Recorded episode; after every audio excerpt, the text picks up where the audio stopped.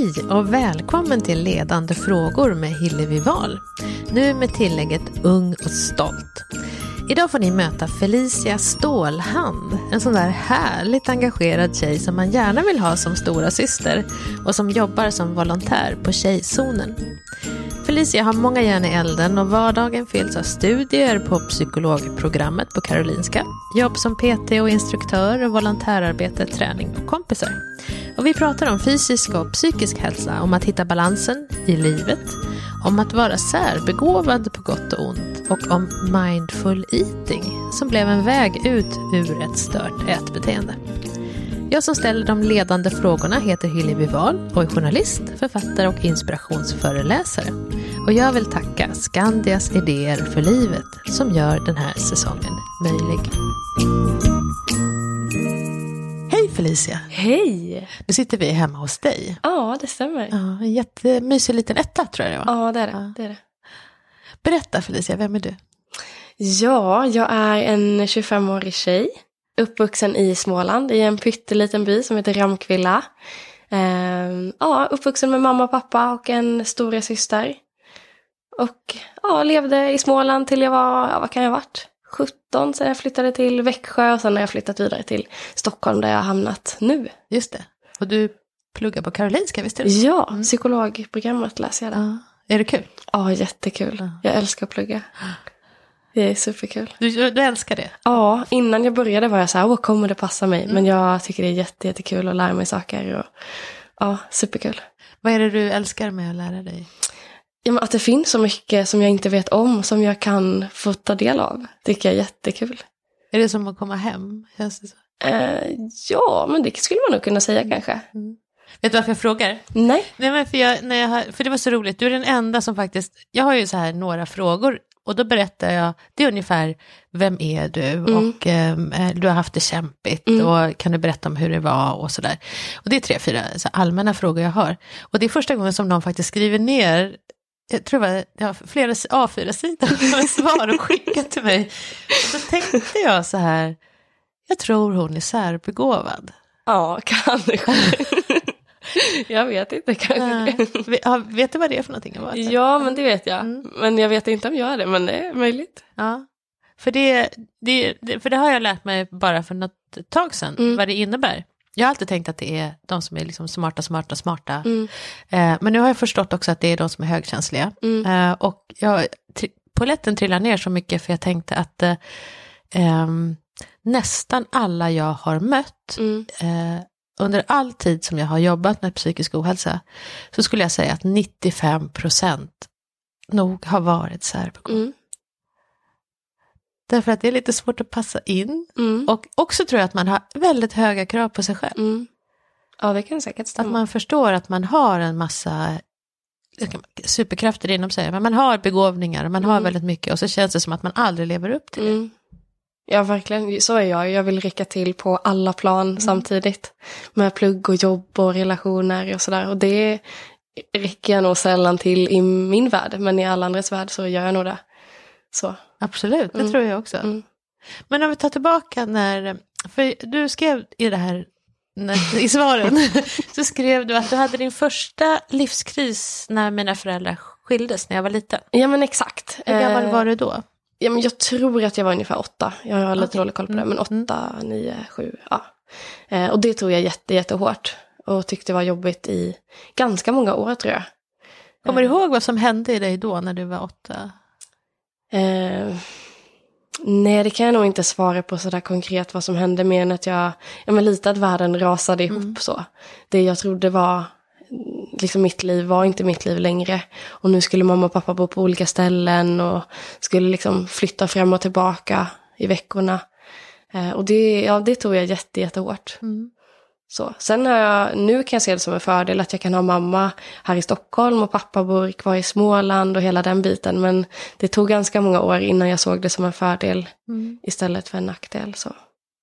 Hade du det här klassiska då också, att man tänker om jag bara hade gjort på något visst sätt så kanske de inte hade behövt skilja sig? Eller? Nej men det hade jag nog faktiskt aldrig. För Nej. mamma och pappa var väldigt tydliga med att inte vi hade någonting med beslutet att göra. Och det litade jag nog på väldigt mycket. Så så har jag nog aldrig grunnat faktiskt. Men mer kanske att, ja men hur hade det varit om de fortfarande levt tillsammans och sådär. Mm. Men sen, sen så, um, sen skriver du att det, det som sen hände var någonstans på högstadiet, Mm. när du började må dåligt. Mm, exakt, jag började väl känna att jag inte passade in och sådär. Som jag gissar att 90-100% av alla som går på högstadiet gör. Eh, men för mig tog det uttryck att jag började kontrollera maten och träningen. Och först började väl i en ja, vanlig nivå så att säga. Att jag började ta bort vissa livsmedel. Eh, började träna mer än vad jag vanligen gjorde. Men sen så eskalerade det ja, men relativt fort kan man säga. För innan det så tränade ni också ganska mycket. Alltså ni var en Ja. ganska hurtig familj. eller? Ja, ja det kan man nog säga. Pappa har alltid så här varit ute och Ja. sprungit och vi var mycket i skogen när vi var små. Vi bodde ju ja, mitt i skogen så att vi var ute ganska mycket och rörde oss i vardagen så. Eh, Absolut. Inte, jag har inte tränat någon speciell sport eller sådär men varit väldigt aktiv familj i övrigt. Vad jag minns det som i alla fall. Ja. Så, så kan, kan du se vad det var som förändrades exakt? Då? Kan du se, liksom, var det det här med att man håller på att bli vuxen eller? Ja, det var nog någon känsla av att inte räcka till där också som vi pratade i början om att jag tyckte inte att jag passade in någonstans riktigt och jag var väl inte de coolaste i skolan och jag var väl någon så här medelmåtta på något sätt. Eh, och det vill jag ändra på på något sätt. Och då blev det att jag började kontrollera det här. Och sen blev det liksom ett missbruk i sig. Mm, exakt. Exakt. Jag minns någonstans i början att jag hade någon tanke om att ja, men tänk om jag ändå blev sjuk, då skulle jag nog få uppmärksamhet. Jag, det var ju med redan från början.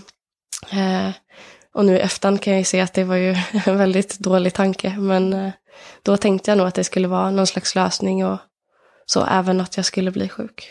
Så du ville bli sedd? Mm, Mm.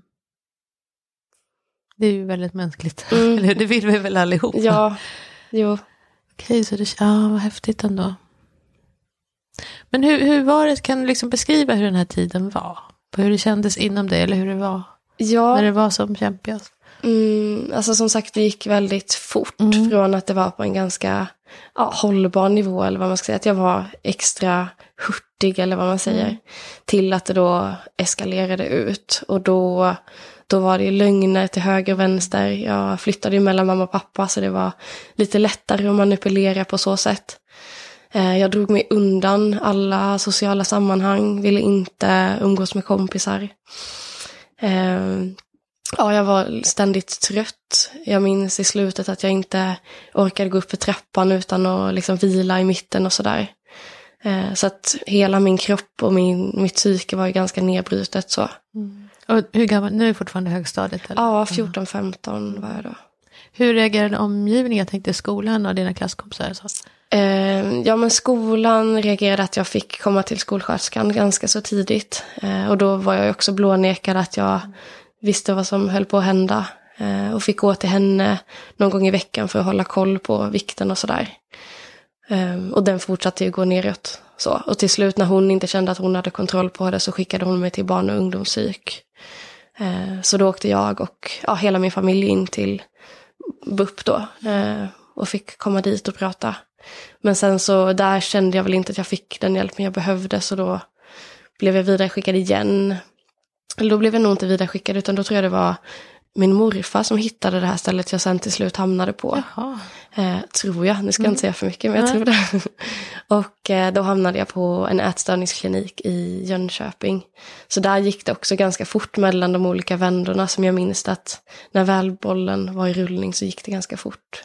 Men om man liksom går tillbaka till skolsköterskan där då, som bara kollar vikten, det där kan jag bli tokig på också. Mm. Men alltså, eller gjorde hon något annat som var bra? Eller alltså, fick du något annat stöd? För jag, jag tänker ju alltid, jag som själv har haft ätstörningar, och alla människor jag har sett, att det handlar ju inte om maten. Nej. Och det handlar ju knappt ens om vikten, nu är det en överlevnadsgrej. Då, men men, men, ehm, men det, det är liksom ångesten, Mm. eller hur? Mm. Fick du någon hjälp med den under tiden? Inte vad jag minns det som. Nej. Utan min känsla nu är att jag gick dit en gång i veckan för att kolla så att jag inte tappade vikt. Eh, och tappade jag vikt så kom jag ganska fort på lösningar att jag skulle ta med mig frukt i skolan för att jag inte gillade skolmaten. Eller att jag skulle bli bättre på att ta ett knäckebröd om dagen. Eller vad det nu kunde vara. Så då hamnade det på ett liksom problemlösning som jag kom på. Och sen var det mötet klart. Så. Och det var väl därför jag blev vidare skickad ganska fort ändå när hon kände att hon inte hade kapacitet. Och... Det är som en Svarte Petter. Att åh, jag klarar inte av Ja, det här. lite så. vidare. Lite Nej, så. jag klarar inte heller av det. Ja, och det är ju fortfarande så på många sätt. ja, Eller hur? ja. Men dina kompisar då? För jag har ju fått en fråga, eller får ganska ofta den frågan, vad man gör som kompis. Och jag har Mm. inte kommit på något bra svar på den, ska jag säga. Eh, vad som vanligt är väl det bästa hittills jag har hört. Mm. Men har du, om du hade varit ung nu och haft en kompis som, Mm. vad hade du gjort då tror du? Ja, men för det första hade jag väl också försökt vara så mycket som möjligt som vanligt. Mm. Eh, och inte prata så mycket om mat och vikt överhuvudtaget. Och sen kanske också att ha i åtanke att personen förmodligen ljuger ganska mycket. Mm. Eh, så inte lita på alla saker som personen säger. Och kanske då på något sätt ha kontakt med personens föräldrar eller vad det nu kan vara för att få lite bättre grepp om det. Men sen är det ju inte kompisens ansvar Nej. heller.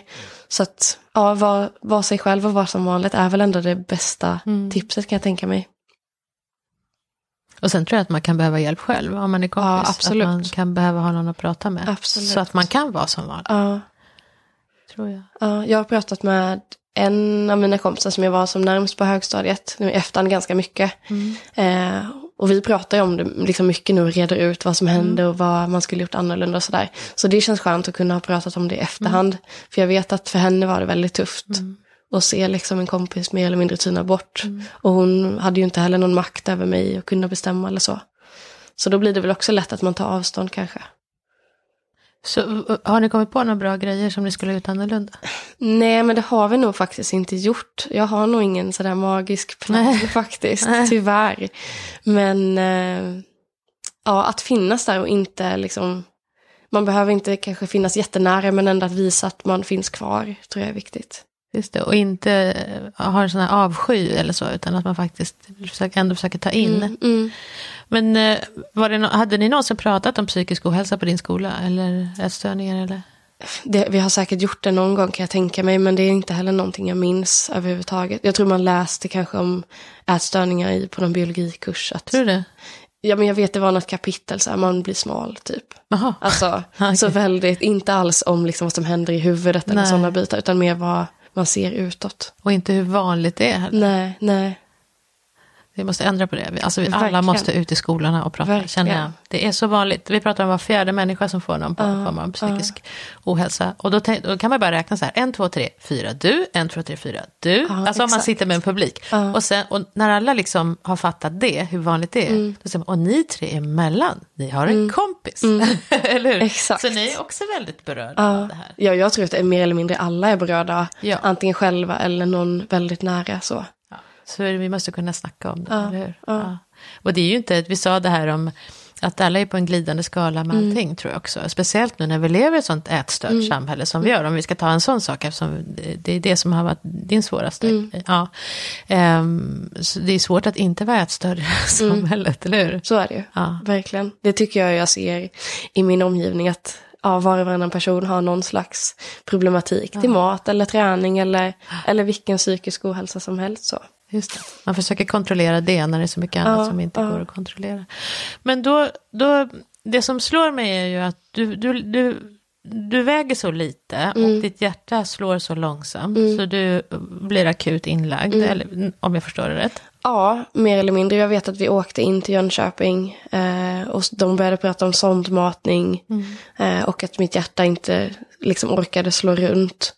Och eh, ändå så vägrade jag skrivas in den dagen, eh, men gick med på att åka tillbaka dagen efter. Och då skrevs jag in. Eh, och skrev på kontrakt och sådär för att det skulle vara mitt val och hela den biten.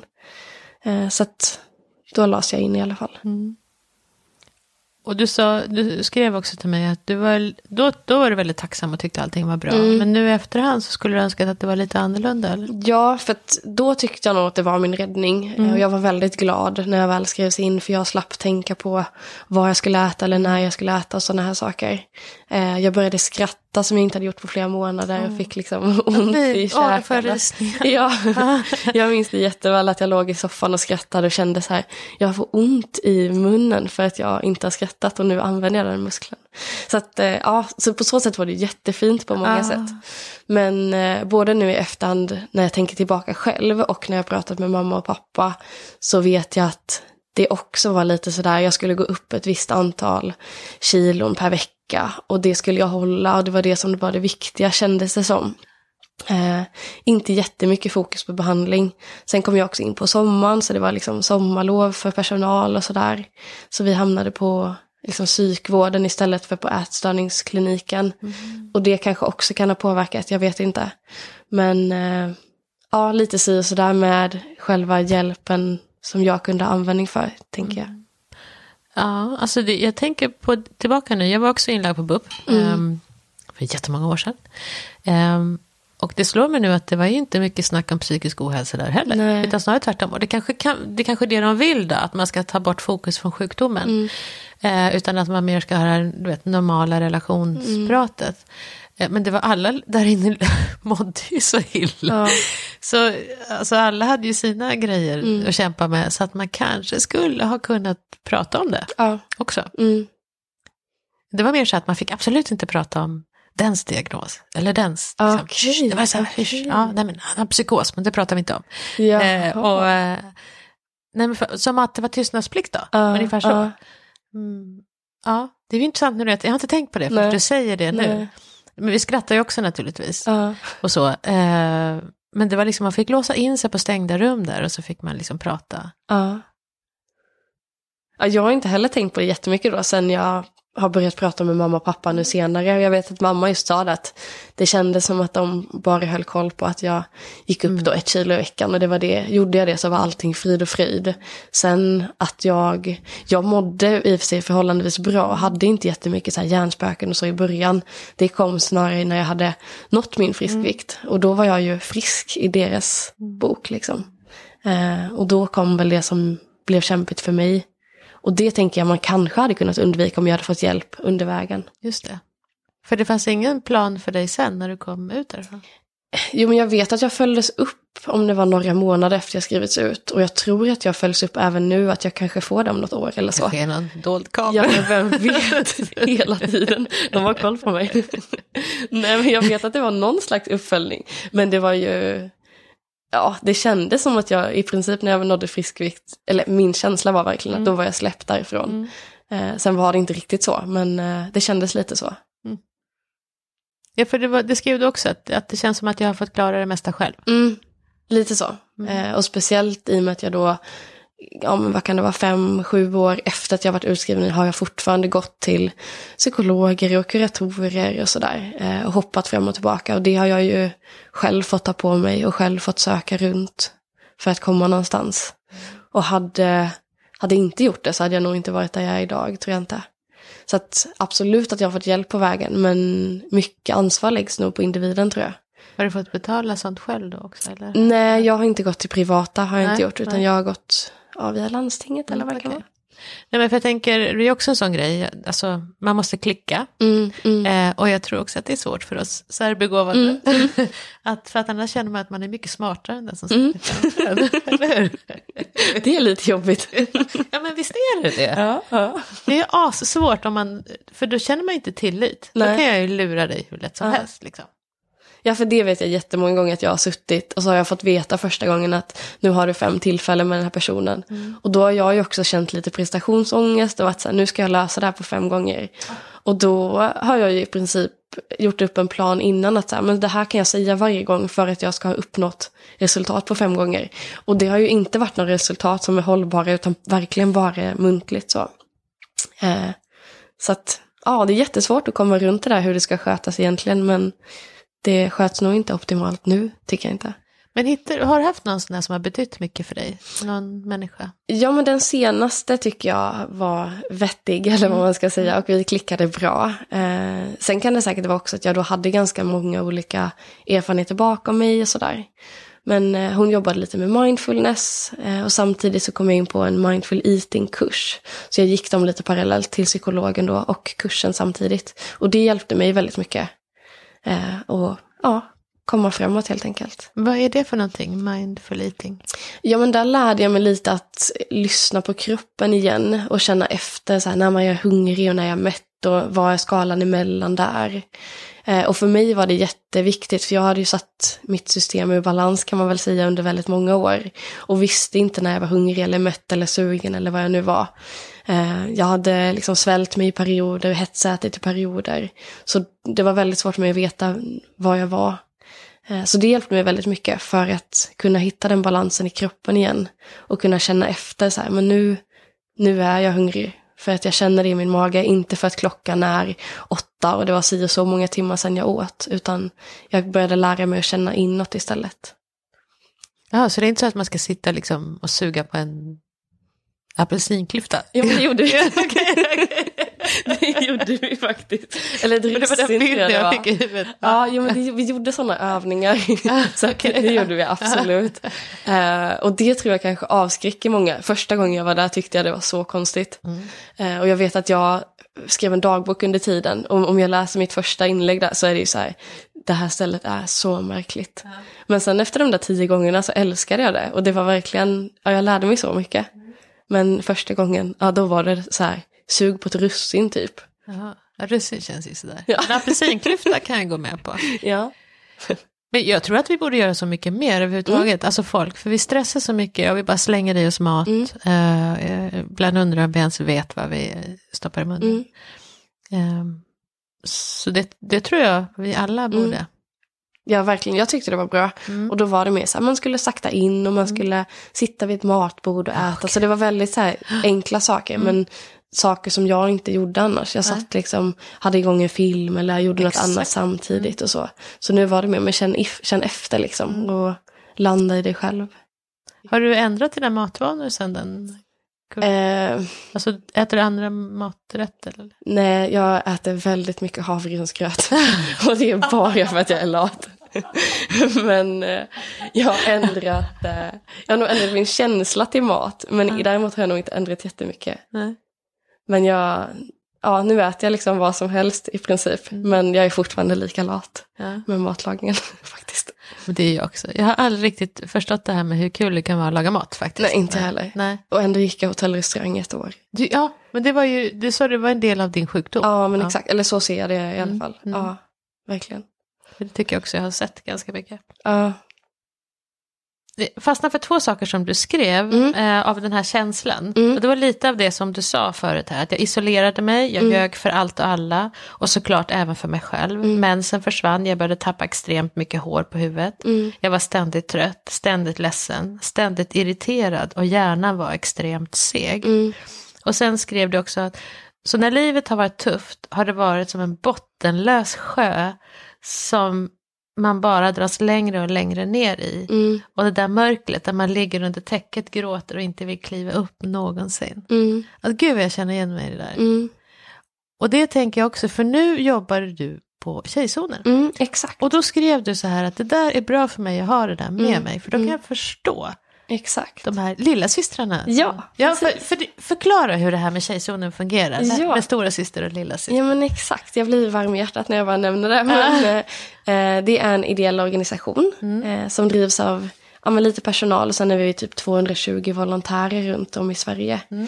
Eh, och vi är då stora systrar på lite olika sätt. Vissa är stora systrar i relationer, vissa är via mail och jag då är via chatt.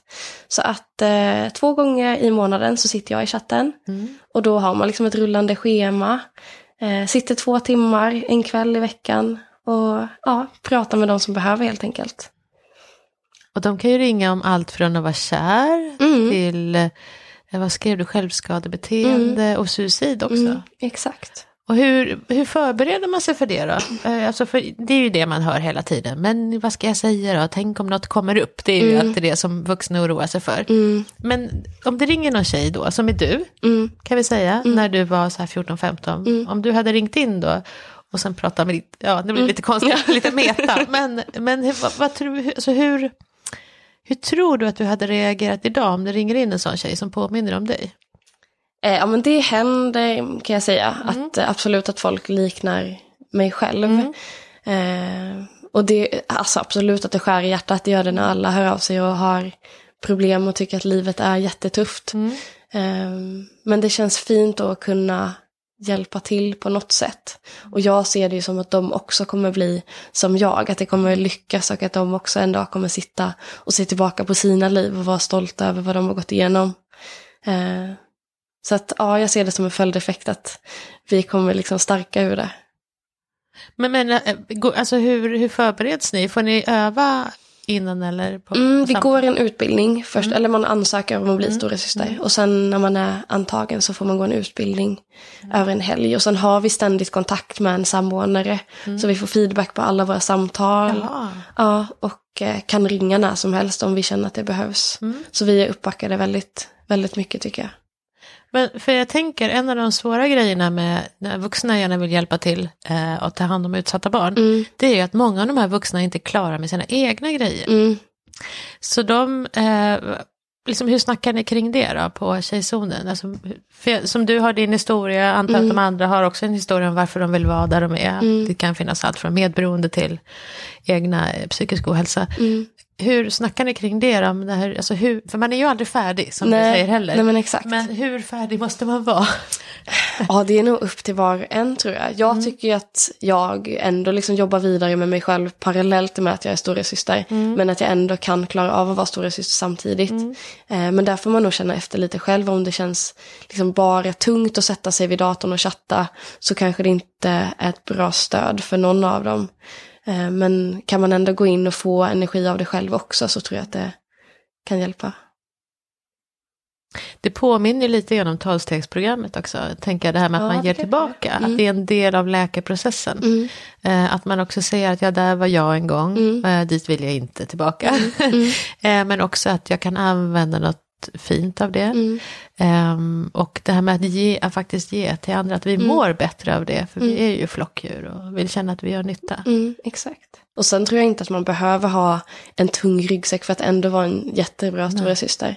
Eh, för ofta är man ju med om saker, eller ser saker, eller hör saker ändå. Och ibland kanske det är skönt att inte förstå också. Men för min del tycker jag att det hjälper att jag kan sätta mig in i många situationer, även om det inte är exakt situation och jag förstår ju inte på pricken. Nej. Så kan jag ändå ja, ha en aning om vad som försiggår i huvudet. För det är ju en väldigt fin bild det här med stora syster. Eh, att, att, att det är det ni är. Mm. Det här med att lyssna och kunna vara schysst. Och att det inte är kanske det här man tror att allt måste handla om utbildade psykologer eller kuratorer. Eller, som jag har märkt kan vara sådär bra Mm. de, de också. Utan det här är ju verkligen uttalat att ni är som en stora syrra. Mm, exakt. Det är så himla fint. Mm. Men ni vill också påverka sig. Jag vill påverka. Ni, vill- vill ni påverka tjejzonen? Alltså samhället? Eller är det så att du personligen vill påverka? Eh, ja, men jag personligen vill påverka, Mm. absolut. Eh, och mycket då genom att vara öppen med psykisk ohälsa, Mm. eh, blogga om det eller vara med här och vara med i tjejzonen och bara Mm. sprida, sprida ordet så. För jag, nu upplever jag att det pratas ganska mycket om psykisk ohälsa. Men det är nog för att jag är i en bubbla där jag pratar mycket om det. Eh, för när jag pratar med vissa andra kompisar så är de så här, jag har aldrig något om psykisk ohälsa. Och så är det säkert, man blir ju väldigt medveten om man är i en viss krets såklart. Så att jag vill absolut påverka och nå ut till en större massa. Att vi bara ska snacka om det mer? Är det det ja, mer? exakt. Och lite så här ta bort hyschet om det. Utan det finns bredvid oss hela tiden. Eh, och det är inget konstigt med det. Men man ska vara medveten om att det finns. Och vara medveten om att det finns hjälp för det. Och inte gå och må dåligt i onödan så. Nej. För det är ju, och, och just det här att man, när man då pratar om det över generationsgränser eller Mm. som stora syster så ser man ju också det här viktiga som du sa, hopp. Mm, Att man kan ha mått sådär dåligt och sen kan man sitta här mm, och exakt. må ja, skitbra. Eller? Ja, exakt. ja men faktiskt. Ja. ja men verkligen. Ja. Det, och det är jättefint. Ja. Men om du, om du fick bestämma så här en dag då? Eh, Alltså om du verkligen fick makt Mm. att göra någonting. Vad skulle du, skulle du fixa någonting i skolorna då? Eller sjukvården? Eller vad tror du att du hade eh, infört för grejer? Ja, men skolorna tycker jag absolut Mm. att ska ha mer kunskap och mer förståelse för psykisk ohälsa. Mm. Eh, för som sagt, som vi sa innan, jag vet inte om jag lärde mig mer med ätstörningar än att man är smal om man har en ätstörning, vilket inte alls behöver stämma. Nej. Så att mer information överhuvudtaget och mer medvetenhet om det. Sen tycker jag ju också som har gjort lite så här mindfulness-saker att det kan också vara viktigt att få ut. Och lite Mm. Ja. så här självkärlek och sådana bitar. Tycker jag är jätteviktigt. För då kan man ha det samtidigt. Eller hur? Ja, exakt. Exakt. Det är ju jättebra. Mm. Så kan man kalla allting för mindfulness. Ja, exakt. Eller hur? Man behöver inte säga att nu har vi psykisk ohälsa på schemat. Nu har vi mindfulness. Ja, och det tycker ju vissa är lite flummigt men eh, Men det är mer feel good. Det är, Ja. Folk är inte lika rädda för det. nej, exakt. Så Det det, är ju en jättebra idé. ja, vi får fixa detta. Ja men precis, ja, verkligen. Alltså, jag, är, jag har ju en idé om att eh, de här podcasten på något sätt ska komma in i skolorna i någon form av föreläsningar och kanske till och med tryckt material så man kan göra övningar i grupp. Mm. Som till exempel den här frågan, hur gör jag om, eh, om jag har en kompis som har en ätstörning? Det finns ju inget rätt och fel där. Men om man jobbar fyra stycken i en grupp och försöker ta reda på det, då börjar man ju googla på saker som man kanske Exakt. aldrig har googlat på. Och sen så diskuterar man och hur skulle vi göra? Och redan där bygger man ju upp ehm, någon form av första försvar. Alltså någonting, då har vi det, då har vi pratat om det här om det dyker upp. Mm. Då har vi faktiskt åtminstone ventilerat frågan så vi vet vem på skolan eller vem, finns det någon vuxen eller någon som man kan, som kan ta i de här grejerna. Mm. Ja, det tror jag är jätteviktigt. För annars blir det lätt att det lite hamnar mellan stolarna och ingen vet vad man ska göra. Och vem ska man säga till? Ska man höra av sig till en förälder eller är det en lärare man ska höra av sig till och sådär. Så att ja, jätteviktigt. Och sen tänker jag också det här med särbegåvning, jag måste, jag måste intervjua någon om det för att det är så intressant. Och hur man då faktiskt kan tro att man är dum i huvudet. Eh, Man kan tro att man är deprimerad, man kan tro att man har ADHD. Man kan, alltså det finns så mycket därför att ingen pratar om det heller. Nej, du är den första som har pratat med mig om det. Ja, alltså, och jag, jag av det nu, för jag tycker att, men herregud, varför, um, för hela skolsystemet är uppbyggt på, alltså man då säger normalbegåvad, om det nu finns några sådana, eh, men där man lär sig på liksom helt omvänt sätt. Men vad, bara en sån enkel sak som, ehm, nu lär vi oss i trappor. Alltså man lär sig det enklaste först och sen när man är klar med det lär sig man lite, man lite svårare saker och sen när man har lärt sig det så lär man sig en ännu svårare sak och så. Det är så liksom vårt skolsystem. Det här fullständigt tråkar ut särbegåvade. Ja, jag kan känna igen det. Ja. Därför att man fattar inte vad ska jag kunna det här för. Nej. Men däremot om eh, vi då vi vill gärna veta, har stort problem att lösa. Och när jag vet att det här problemet vill jag lösa. Ja men då kanske jag måste lära mig de här. Liksom att gå neråt och lära mig de här sakerna. För att kunna lösa det här mycket större problemet. Det är så. Och, och jag tror att man måste lära sig att fånga upp de här också. Mm. För annars blir det lätt att man känner sig ensam. Eh, man kanske ifrågasätter läraren. Eh, man kanske blir deprimerad. Mm. Och då är man egentligen extremt begåvad. Mm. Ska det vara något dåligt då? Liksom? Mm. Nej, det är jätte... Ja, men intressant fråga. Ja, visst är det. Ja, jätte. Och jag tror inte det finns någon som är likadan där heller. Nej. Utan att det finns så många olika sätt. Ja. Åh, det är så spännande. Ja. Ehm, sen, en sak som du sa, som vi kanske kan sluta med, som jag tycker eh, är så fint också. Eh, men som jag tror sammanfattar något som väldigt många av oss går och tänker på just nu. Eh, så jag vill gärna att du säger några ord om det. I en värld där allt verkar perfekt är det svårt att vara nöjd, glad och tillfreds. Mm. Det är något som jag också jobbar aktivt med nu. Till exempel som Instagram, om vi tar det som exempel. Så är det ganska lätt att man följer sådana konton som inspirerar på ett eller annat sätt. Och då till slut så har de flesta konton med perfekta kroppar och perfekta hem.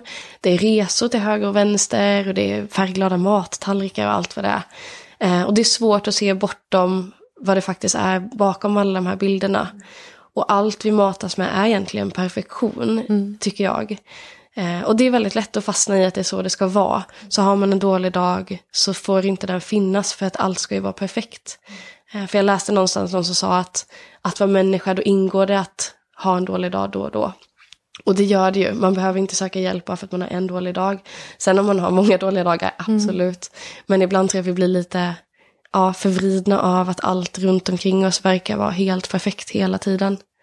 Eh, och det, ja, delvis är det ett aktivt val. Man kan följa av konton eller följa konton som inte är så perfekta, ytliga. Men eh, det är ofta lätt att hamna där. För det är nära till hands, det här perfekta livet. Precis. Så att fatta det, liksom. Att Mm. verkligheten ser annorlunda ut. Mm, exakt. Att allt kanske redan är perfekt. Alltså perfekt och operfekt. Mm, verkligen.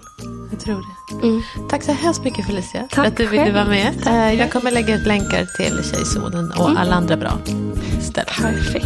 Perfekt. Tack. Tack. Tack Felicia för ett härligt, perfekt och operfekt samtal.